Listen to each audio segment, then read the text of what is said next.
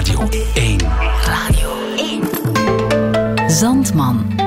Met Friede Lesage.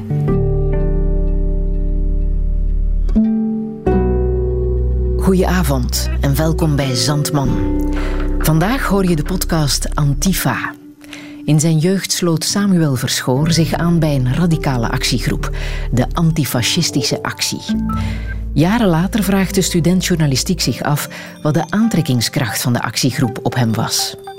In de podcast benadert hij twee mede-activisten. Samen blikken ze terug op hun tijd bij de Antifa. Ze halen herinneringen op aan hun eerste ontmoeting en aan gewelddadige protesten. Maar de vraag die de hele podcast omspant is: waarom? Vanuit zijn eigen beleving geeft Samuel een exclusieve kijk in een radicale actiegroep die doorgaans liever niet met de pers praat. Dit is Antifa. Het was een warme lentedag in 2005. Ik was 17 jaar en samen met mijn broertje en mijn ouders zat ik aan het ontbijt. Dat deden we vaker in het weekend. Door de week waren we namelijk veel te druk. Meestal praten we dan over koetjes en kalfjes of wat we wilden gaan doen die dag. Tenminste, mijn moeder die praatte mijn vader at. Mijn broertje die probeerde de vragen van mijn moeder te ontwijken. En ik was een puber en dus vooral chagrijnig. Deze keer zei mijn moeder eigenlijk maar één ding.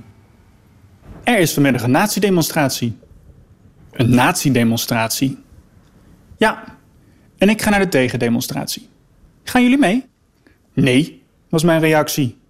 Wij gaan skateboarden. En nazi's zijn toch sowieso niet mijn probleem, dacht ik erbij. Waarom ga jij dan? Nou, zei mijn moeder.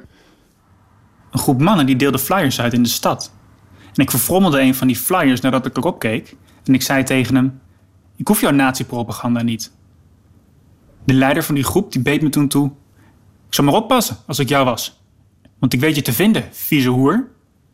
Vol ongeloof keek ik mijn moeder aan. Nou, mam, ik denk dat ik toch maar mee ga demonstreren vandaag. Mijn naam is Samuel Verschoor. En op een warme lentedag in 2005 liep ik mijn eerste demonstratie tegen nazi's. Daarna ben ik tien jaar lang actief geweest binnen de antifascistische beweging in Nederland. Mijn activistenbestaan heb ik inmiddels achter me gelaten, maar voor deze podcast zoek ik mijn oude mede-activisten nog eens op, blikken we samen terug op onze tijd bij de Antifa en ik probeer erachter te komen wat mij heeft bewogen om me aan te sluiten bij deze beweging.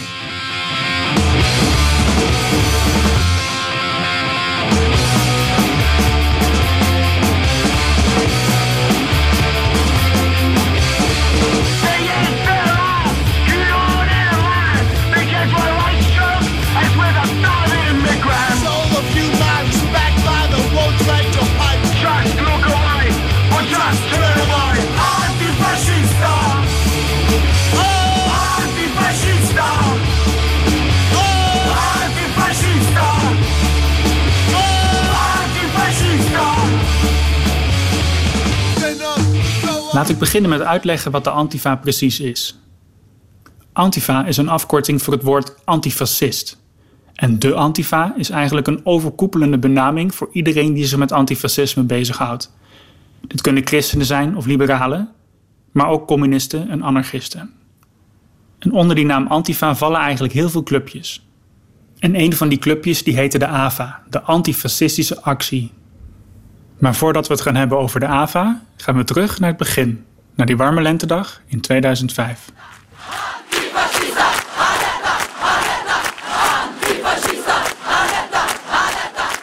Ik kan het me nog goed herinneren, die eerste demonstratie. Als een soort familieuitje gingen we met z'n vieren op stap naar het Muze Sacrum, waar dan die demonstratie zou beginnen. En hoewel ik het niet had verwacht, zag ik daar eigenlijk best wel veel bekenden. Zoals Stefan daar, die zat bij mij in de klas. Thomas, die ik kende van het skateboarden. En Anke, het vriendinnetje van mijn beste vriend toen. En hoewel die demonstratie vrij rustig begon, merkte ik eigenlijk al wel dat ik het heel leuk vond. Dat er iets begon te jeuken. In het begin bleef ik dicht bij mijn moeder, ergens in het midden van de demonstratie. En vooraan stonden dan die mensen die wat meer ervaring hadden en wat, ja, wat radicaler waren eigenlijk. En ik merkte dat ik dat ook wilde zijn. Dat ik ook vooraan wilde staan. Ik wilde niet iemand zijn die, die aan de zijlijn toekeek, maar ik wilde iemand zijn die vooraan stond. Die een lans brak.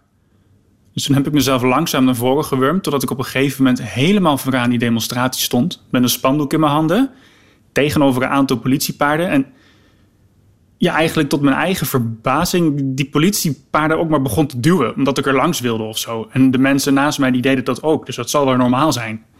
Mijn ouders hebben die dag die demonstratie niet uitgelopen, nee. Nee, die stonden op een gegeven moment aan de zijlijn te kijken naar hoe ik daar die politiepaarden aan het duwen was. En die waren dan niet bepaald te spreken over het gedrag wat ik liet zien.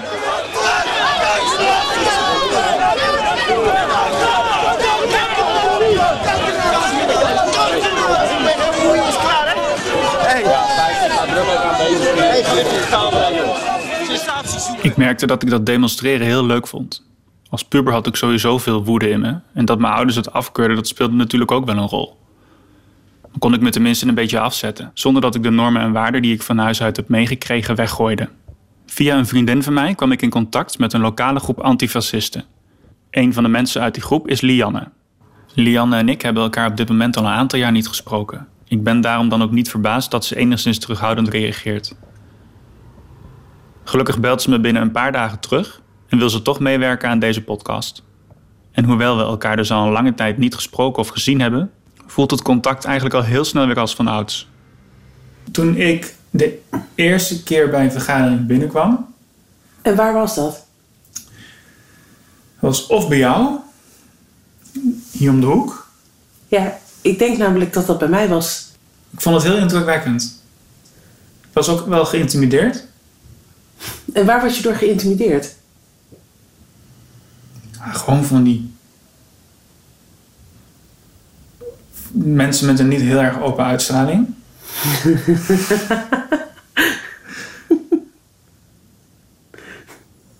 die. Uh, subtiel? Ja, heel subtiel. Die dan met, met een, een halve liter bier in hun hand zitten en een checkje in de andere hand. Het is niet heel, heel uitnodigend, nee. Ik was gewoon een beetje zo'n urban boy, hoe ik er toen uitzag. En ik kom binnen met allemaal crustpunks en een skinhead. Dus dat was. Ja, voor een oriëntatieavondje was het best wel heftig. Ja, en ik heb dus echt een totaal andere beleving daarvan, hè? Want ik weet bijvoorbeeld dat. Ehm, en dan niet zozeer specifiek over die avond, maar. Want ik, ik, ik pluk al vanaf dat ik jong ben paddenstoelen in het bos. Dus ik had paddenstoelen geplukt en ik had een hele lekkere bospaddenstoelensoep gemaakt. En, uh, en uh, we zaten er met z'n allen buiten, want het was heel mooi weer bij ons in de tuin. En uh, we zaten er zo lekker soep te eten en een beetje te vergaderen. En dat voelde echt zo jutje dus dat is het beeld wat ik ervan heb. Ik kan me voorstellen dat los van de soep, dat als je daar een stelletje punks bij elkaar ziet, halve liters ziet drinken, want dat deden we natuurlijk ook, dat het ook heel anders over kan komen. Ja. Ja. Nou, gelukkig kende ik Thomas al. Die kende ik van skaten. Oh, Maar ik vond het wel spannend, ja. Ik was verbaasd toen ik Thomas daar zag zitten. Net zoals dat ik verbaasd ben als ik hem nu, zo'n 15 jaar later, opbel en hij meteen enthousiast is om mee te werken.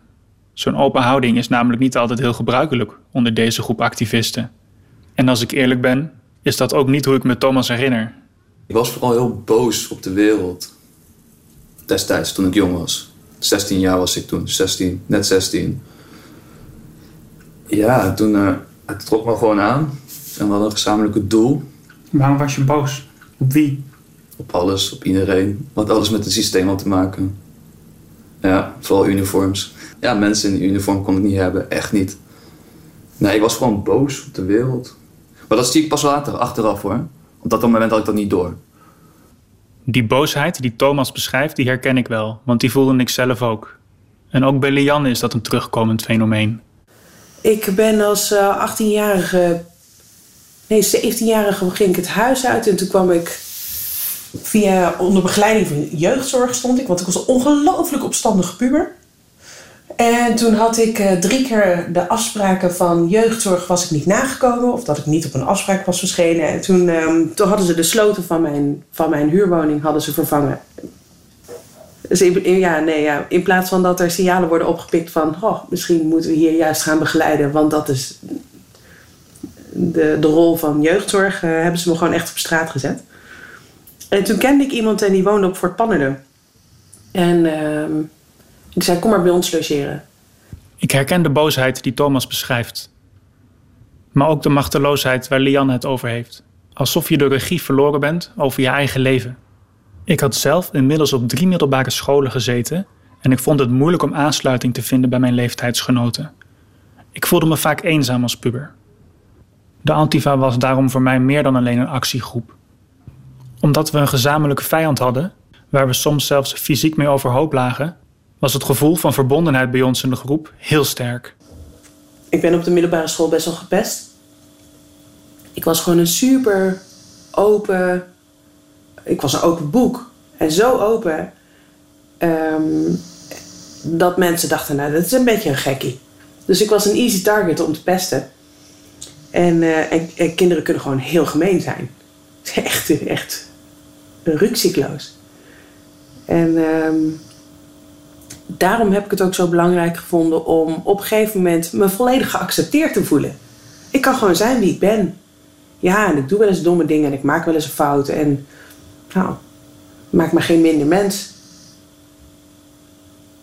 En, dat, dat onvoorwaardelijk mogen zijn wie je bent, dat is wat ik, eh, wat ik echt heel belangrijk heb gevonden in, eh, in die sociale scene. En wat met het actieleven meespeelt, is je zorgt voor elkaar. Je houdt elkaar in de gaten. Je, je, bent, je bent constant alert op elkaar wanneer je met acties bezig bent. Dus dat is ook nog eens een extra vorm van zorgen voor. Zorgen voor. Die verbondenheid is zo intens en zo eh, bijzonder dat je niet alleen bevriend bent met elkaar, maar dat je ook constant bezig bent met het letten op elkaar, het zorgen voor elkaar, het beschermen van elkaar. Een van de meest indrukwekkende demonstraties die ik samen met Thomas en Lianne heb gelopen, was in 2006. Omroep Gelderland omschrijft die dag als volgt. Goedenavond. De Arnhemse binnenstad leek vandaag een heuse vesting. Honderden politieagenten controleerden in- en uitvalswegen rond de binnenstad om ultrarechtse en ultralinkse demonstranten van elkaar te scheiden. Gevreesd werd dat de twee groepen met elkaar op de vuist zouden gaan.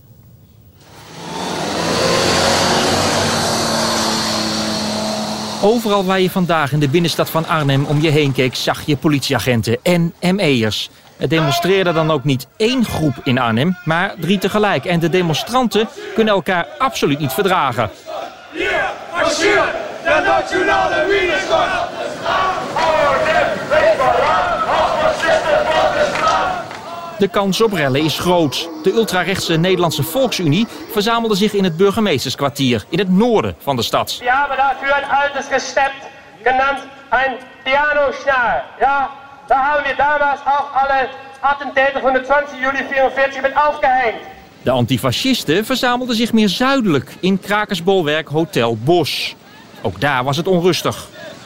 Doe niet, doe niet, nooit meer fascisme. Doe niet, doe niet, nooit meer fascisme. Om te voorkomen dat de twee groepen met elkaar op de vuist gaan, legt de politie een cordon om het krakersbolwerk. Burgemeester Krikke heeft de linkse antifascisten verboden op straat een tegendemonstratie te houden. En de ultrarechtse NVU'ers worden gevolgd door een forse politiemacht. Zo'n verbod, daar trokken we ons meestal niks van aan. Thomas en ik besluiten voor deze podcast terug te gaan naar die plek waar we toen gedemonstreerd hebben. Hey, ik weet nog dat wij verzamelden in, eh, in, eh, in Hotel Box. Ja. En wij zijn op een gegeven moment via de, de nooduitgang zijn we ontsnapt. Klopt ja. Klopt ja. En toen hebben wij een, eh, via een grote omweg door, eh, door Klarendal en, en door het Zonsbeekpark. Ja. Zijn we letterlijk door, ja, door de dichte, dichte begroeiing tussen de bomen door en de blaadjes door. Hebben wij voor elkaar gekregen om die natieroute te blokkeren. Klopt ja. Dat was leuk. Was goed. En dat was bijna een confrontatie en ik vond het jammer dat de politie ertussen kwam. Want jij dacht dat je die confrontatie wel had kunnen winnen. Ja, niet zozeer winnen, maar ik had er wel zin in. Ja, ik, ik moet eerlijk toegeven dat ik best wel bang was op dat moment. Ja, dat begrijp ik ook wel. Het waren ook flinke mannen. Het waren vaak wel iets grotere en iets bredere eh, gasten dan dat wij waren. Ja. Ja, nee, dat is zeker waar. En toch had jij wel zin om met ze, eh, een confrontatie met ze aan te gaan. Ja. Wij waren er klaar voor volgens mij. Ja.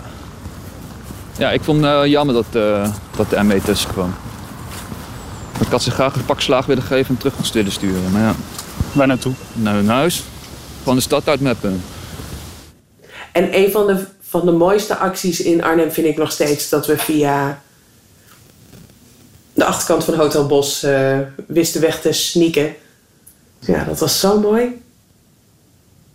De hele voorkant aan de Apeldoornseweg helemaal afgezet. En het voelde ook als een soort overwinning. Wat ik me naast het demonstreren nog goed kan herinneren, zijn de feestjes. Thomas die woonde in een kraakpand midden in de stad, in de Varkenstraat. Een kraakpand in de Varkenstraat. Die werd natuurlijk omgedoopt tot de Zwijnenstal. En daar was ik meerdere avonden in de week te vinden. Dan dronken we vaak eerst wat bij hem en daarna gingen we naar het café. Hier begon het allemaal, man. Leuk man, die tijden. Dat waren leuke tijden. Niet goed voor mijn schoolcarrière, maar wel goed voor mijn sociale leven. ja. De woensdagavond hadden we een kroegavond. Een biertje was 50 cent en een lekker biertje was een euro. Vanaf woensdag was het gewoon elke avond dronken tot aan zondag. Daar ben ik heel eerlijk in. Van woensdagavond ging de move open, wodka woensdag. Toen kwamen de vrienden weer langs. Ja, dat was ook wel een tof plek. Er werd goed gefeest. Het was ook een goede locatie daar. Zeker. Het was de leukste kroeg van Arnhem. Ja. Die zwijnenstal. en dan had er iemand weer rottigheid uitgehaald in de stad, weet je. En die vluchtte dan weer de zwijnenstal in.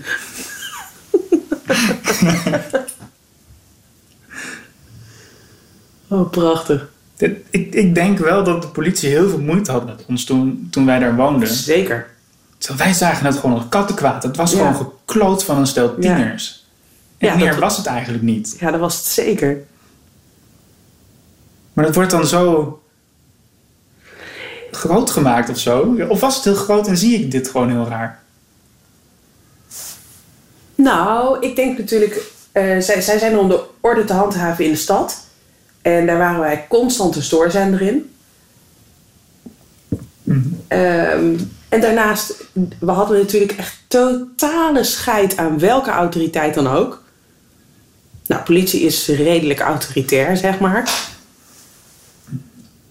Dus er werden daar denk ik een aantal punten geraakt die, eh, waarmee wij volledig in de allergie zaten. En Ja, en we waren activisten. Precies. Ja.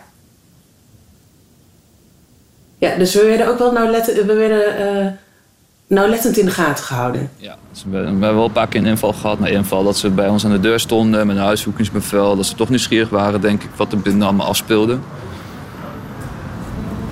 Maar niet intimiderend of zo, niet echt. En wat had jullie rol binnen de AVA daarmee te maken, denk je? Maar misschien, eh, misschien wisten we wel dat, we een, dat wij wel een van de kopstukken waren, denk ik. Misschien, dat weet ik eigenlijk niet, maar dat denk ik, dat, is een, dat gis ik. Ze weten donders goed ook wel hoe alles in elkaar steekt, denk ik. Dat was vervelend dat de politie ons in de gaten hield. Maar wat ik zelf vervelender vond, is wanneer ik over straat liep. En ik werd door een groep nazi's herkend. Heb je wel eens gehad dat je ergens woonde en dat er nazi's aan de deur stonden? Nee, maar ik heb wel gehad dat ik vanuit de stad naar huis fietste. En toen fietsen er nazi's achter ons, die renden achter ons. Die herkenden ons en die renden. En toen heb ik echt heel hard moeten fietsen. En toen ben ik bewust ben ik een blokje omgefietst om niet direct naar mijn huis te fietsen. Was je toen bang? Ja, dat vond ik wel even spannend. Ook omdat ik wist dat als ze dan weten waar ik woon. En ze weten dat ik betrokken ben met bepaalde demonstraties, acties. Dan eh, weet ik niet of ze mijn huis met rust zouden laten. Ik weet niet, dan zou ik me denk ik oprecht niet veilig meer voelen in mijn huis. Bij Lianne liep het die dag met een sisser af. Maar bij mij kwamen ze er op een gegeven moment wel achter waar ik woonde. Ik liep ochtends naar buiten en ik zag dat mijn fiets twee lekke banden had en dat mijn zadel aan gort gesneden was. Toen ik verder de straat in keek, zag ik op meerdere elektriciteitskastjes en op gevels rondom ons huis dat er met graffiti hakenkruisen gespoten waren. En ook stond er iets verderop op een muurtje heel groot White Pride. En hoewel ik dat natuurlijk enigszins over mezelf had afgeroepen, vond ik het vooral vervelend dat ik nog samenwoonde met mijn ouders en mijn broertje. En dat ik hun niet een dupe wilde laten worden van mijn acties. Dus toen heb ik besloten om te verhuizen. en ben ik 100 kilometer verderop in het land gaan wonen. Overigens was dat voor mij nog geen reden om te stoppen met mijn activisme. Lianne had tegen die tijd al wel een stapje terug gedaan. Ik had het een beetje gezien met de, de kraakzien. Ik uh, vond het redelijk hypocriet.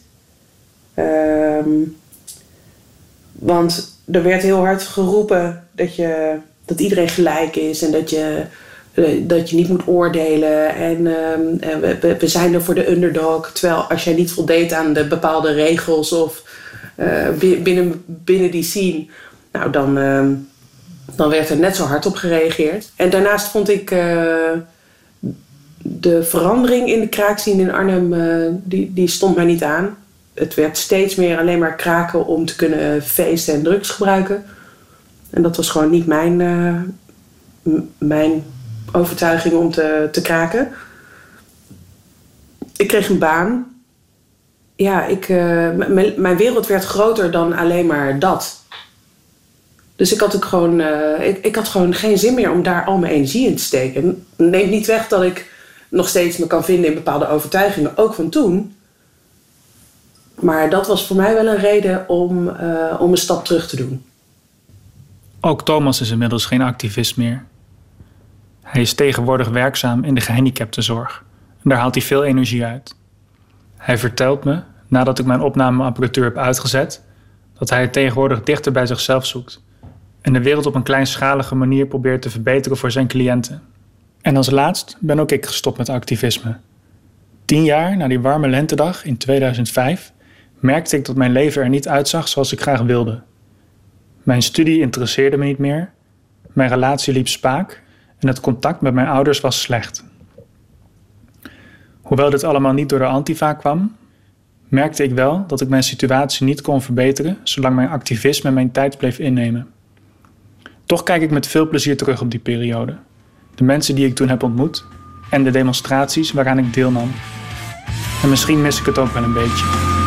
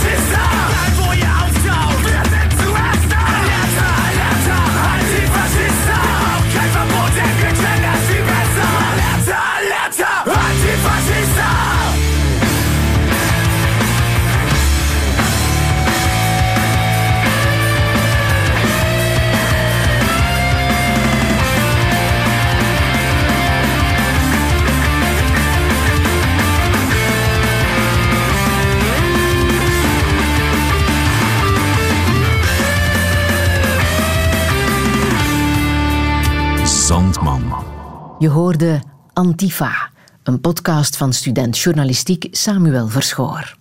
Hij vraagt zich af waarom hij er ooit voor koos om in de radicale actiegroep Antifa te stappen. Samen met hem begrijpen we dit na deze podcast al een beetje meer. De persoonlijke documentaire schopte het tot een van de tien genomineerden van de NTR Podcastprijs 2021. De podcast is te beluisteren via je favoriete podcastkanalen. Alle info vind je ook terug op onze website radio1.be. Zandman.